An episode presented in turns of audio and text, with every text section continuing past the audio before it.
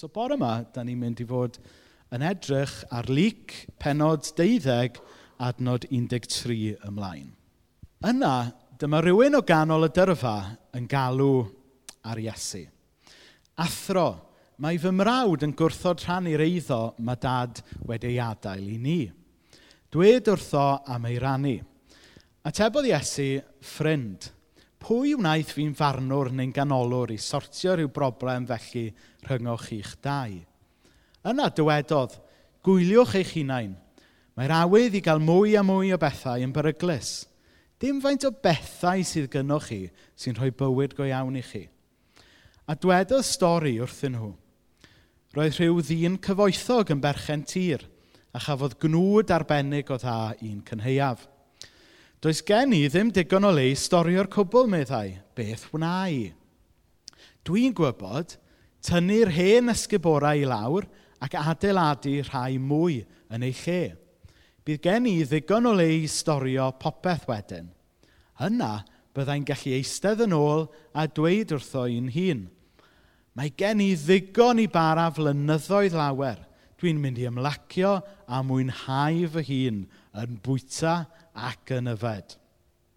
Ond dyma Dyw yn dweud wrtho, y ffwl dwl, heno ydy'r noson rwy ti'n mynd i farw.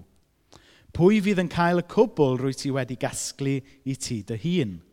Ie, fel yna bydd hi ar y bobl sy'n casglu cyfoeth iddyn nhw eu hunain, ond sy'n dlawd mewn gwirionedd am ei bod heb ddiw. Nawr mae lot o sôn wedi bod yn yr newyddion dros yr wythnosau diwetha ynglyn â pobl yn paratoi ar gyfer Brexit. Yn arbennig, mae lot wedi bod yn y newyddion ynglyn â sut mae'r llywodraeth, y gwasanaeth iechyd a busnesau ac yn y blaen wedi bod yn stoc pailio pethau ar gyfer Brexit.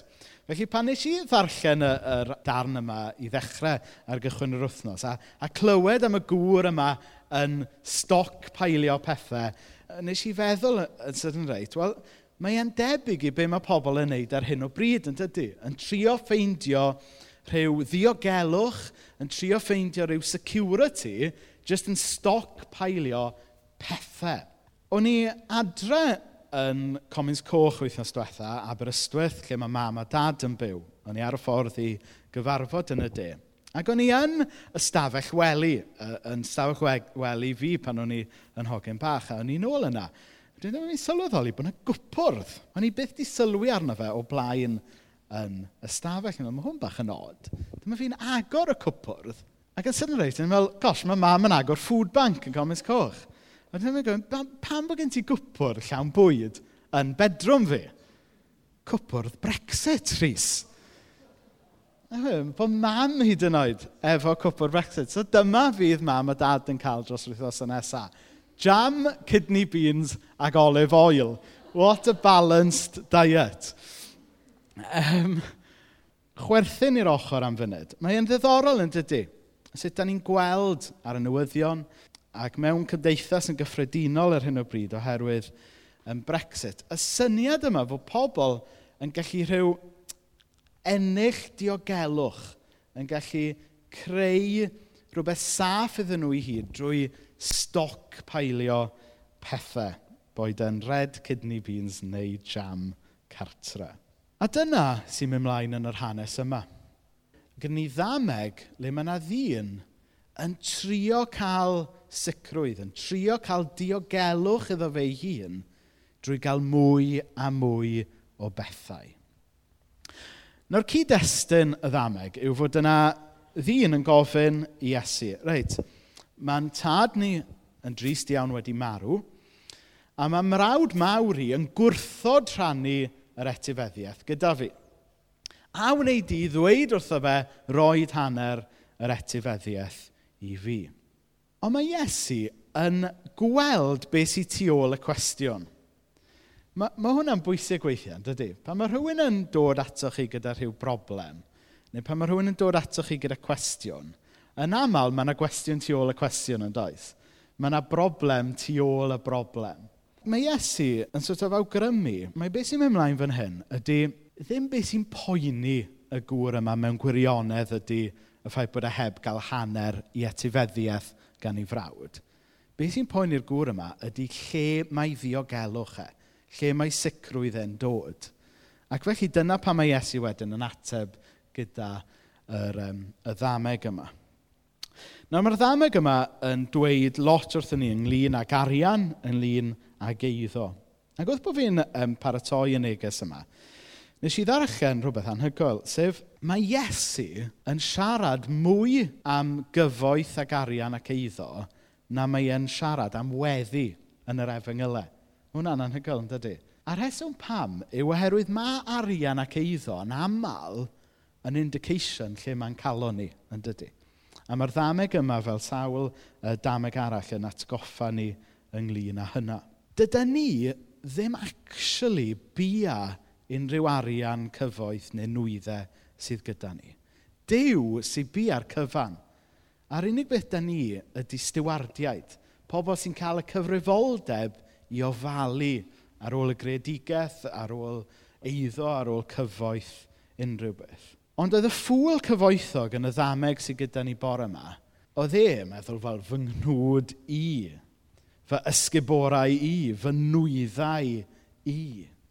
A mae hwnna yn adleisio, yn dydy, be mae lot o bobl mewn cymdeithas yn meddwl ynglyn ac arian a adnoddau. Y gwir amdani, mae'n adleisio be di agwedd calon fi yn llawer rhy aml. A falle bod yn adleisio be di'n agwedd rhai ohonoch chi bore yma. Falle bod chi yn watch o Dragon's Den. Chi wedi gweld y, y gyfres diweddara o Dragon's Den. Mae'r dragons i hunain a'r pobl sy'n dod â syniadau Dyma'u hagwedd nhw, yn dyfa. Maen nhw mor falch o be maen nhw wedi wneud. Be di'r cwmnïau mawr maen nhw wedi tynnu at ei gilydd? Be, yr holl gyfoeth sydd gyda nhw. Ond mae'n dangos i hun hefyd yn ein bywyd ni.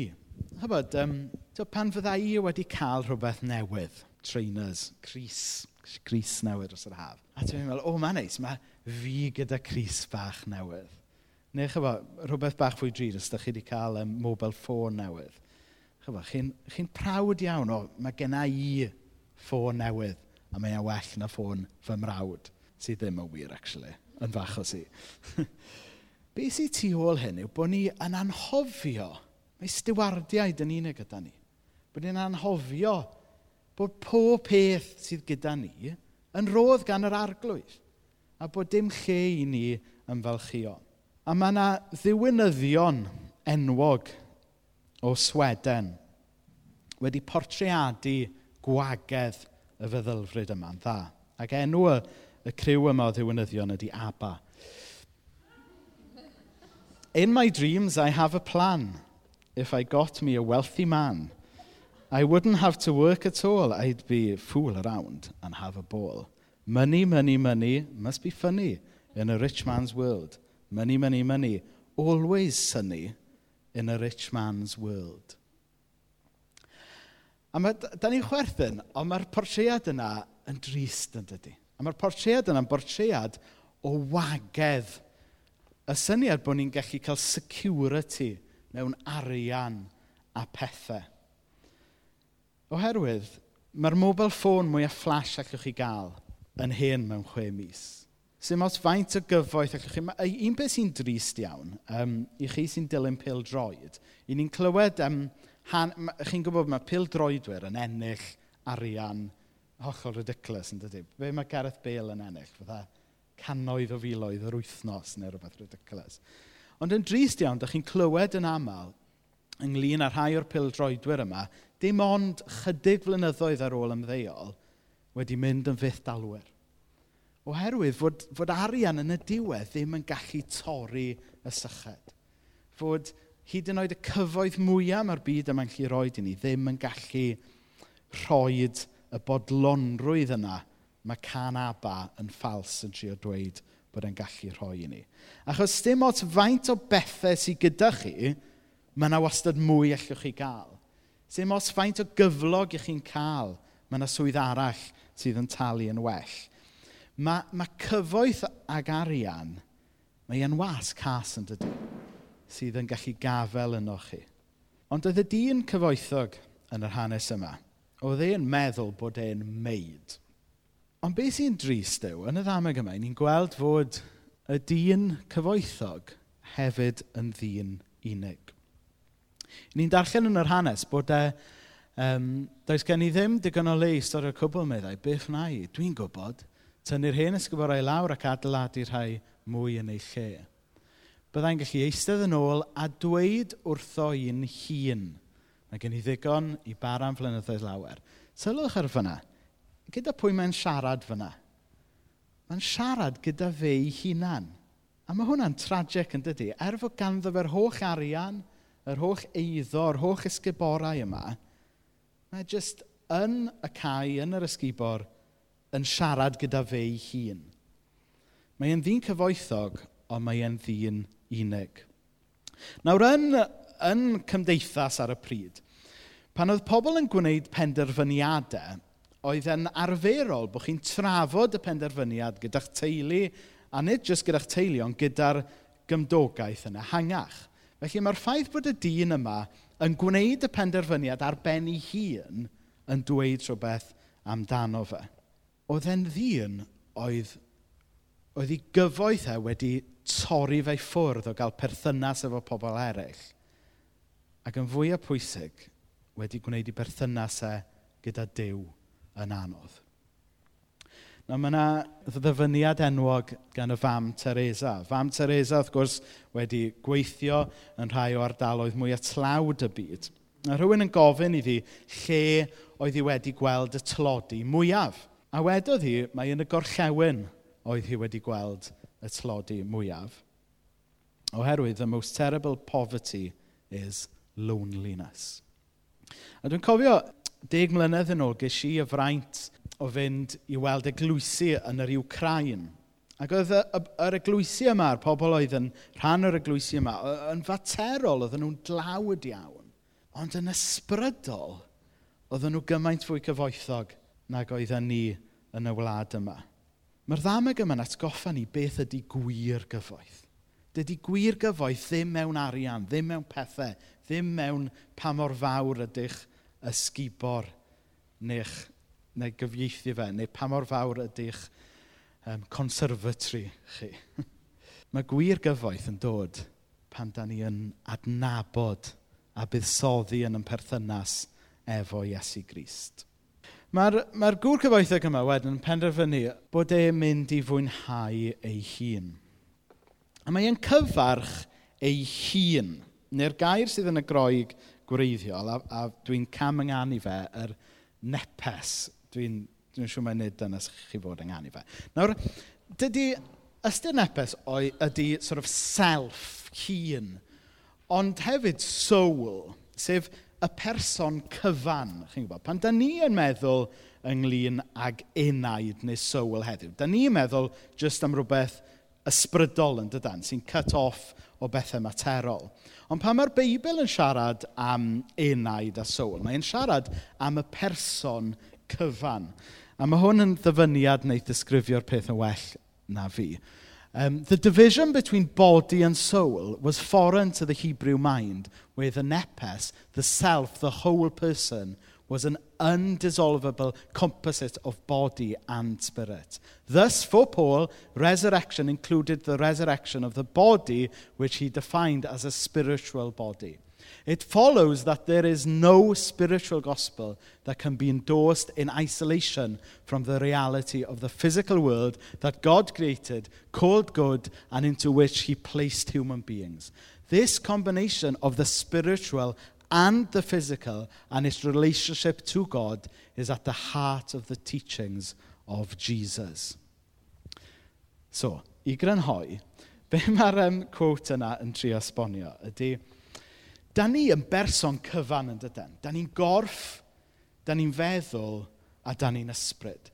A mae Dyw eisiau achub yn enaid y person cyfan. Felly, da ni'n gwneud y camgymeriad weithiau o feddwl fod arian ac eiddo a pethau fel na'n perthyn i rhyw compartment yma yn bywyd, a wedyn bod yn enaid ni yn perthyn i rhyw compartment ysbrydol yn y bywyd. Na mae'r ddameg yma'n dweithio ni fod Iesu eisiau bod yn arglwydd ar yn bywyd cyfan. A bod na ddim split yn y bywyd, fod na bethau sydd yn perthyn i'r byd a pethau sydd yn perthyn i Iesu. Mae Iesu isio'r cyfan. Mae o isio'n calon, mae isio'n enaid, mae isio ni roed yn bywyd cyfan iddo fe. Chos fe sydd wedi'n creu ni. Fe sydd wedi rhoi popeth i ni sydd efo ni. Ond oedd y, oedd y ffwl cyfoethog yma meddwl bod e jyst yn clu ystyn nawr, dwi'n mynd i ymlacio a mwynhau fy hun yn bwyta ac yn yfed. Oedd na, nath rhywun weld y t-shirts yn steddfod lenni. Dwi'n mwynhau fy hun Nath rhywun weld hynna. Mae nhw'n dishes bach doniol. So pan o'n i'n darllen hwn, o'n meddwl, o, allai ddychmygu fysa y ffwl cyfoethog yn prynu'n o'r t-shirts nawr. Dwi'n mwynhau fy hun. Ond na le oedd e mwynhau ei hun. Gyda lot mwy o fwyd nag oedd e angen ei hun. Gyda lot fwy o gyfoeth nag oedd e angen ei hun. Ac yn drist iawn oedd e yna ar ben ei hun. Pwy sy'n fan o'r ffilms The Godfather? Unrhyw un? Unrhyw un wedi watcha nhw? Na ni. O, oh, da iawn. Oce. Okay. Dwi'n meddwl, technically fel gweinidog, dylai fi ddim argymell bod chi'n watcha nhw, ond dwi wedi watcha nhw. Yn fras, uh, mae'r godfather gangster yn Efrog Newydd o dde, a wedyn wedi wneud ffortiwn hefyd yn Las Vegas, efe, neu Nevada, neu rhywle. Ac wrth gwrs, fel gangster, arian brwnt wrth gwrs oedd e'n neud. Oedd e'n neud i arian drwy llyffrennol lladd y gangsters eraill. Oedd e'n neud arian allan o exploitio pobl. Um, oedd e'n neud arian allan o gamblo ac aethwasiaeth ac yn y blaen. A, ac mae e'n creu y cyfoeth a'r empire anhygoel yma. Ond wrth bod y tri ffilm yn mynd ymlaen, mae'n cochi mwy a mwy o'i ffrindiau. Mae'n cochi mwy a mwy o'i deulu ei hun. Mae e'n gyfrifol am ladd rhai o'i deulu ei hun er mwyn gwarchod yr hyn o gyfoeth sydd gyda fe. A reit ar ddiwedd y trydydd ffilm, mae sort of closing scene y trydydd ffilm, yw bod e nôl yn yr hen wlad yn, yn yr eidl rhywle. A mae e'n marw yn dawel ar ben ei hun. A dyna pam dwi yn hoffi'r ffilm. Er bod y ffilm a lot o drais, lot o regu ac yn y blaen, mae e'n bortread gwych mewn gwirionedd o wagedd be mae cyfoeth yn gallu roed i chi.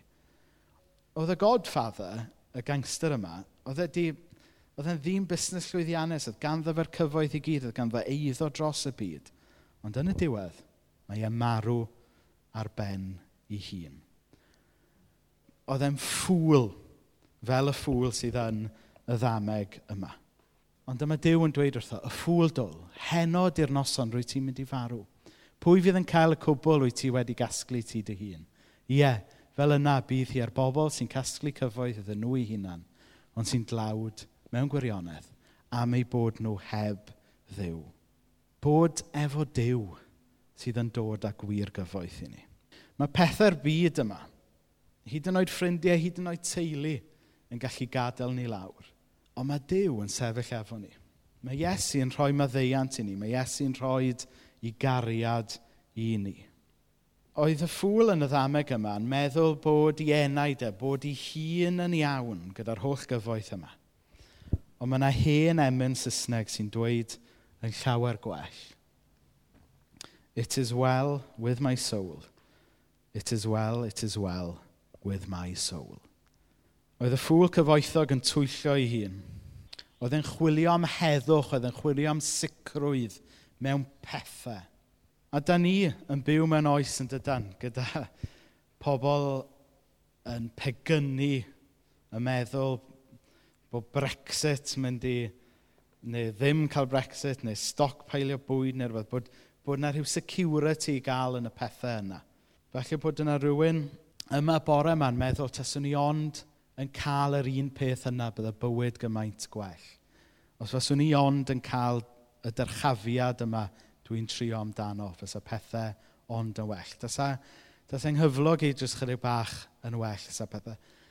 Mae ma pethau yna'n iawn yn ei lle, ond mae'r heddwch dofn yna sy'n mynd i gario ni trwy pan mae popeth arall yn syrthio i ffwrdd, dim ond i gael, pan da ni yn trystio yn Iesu Grist.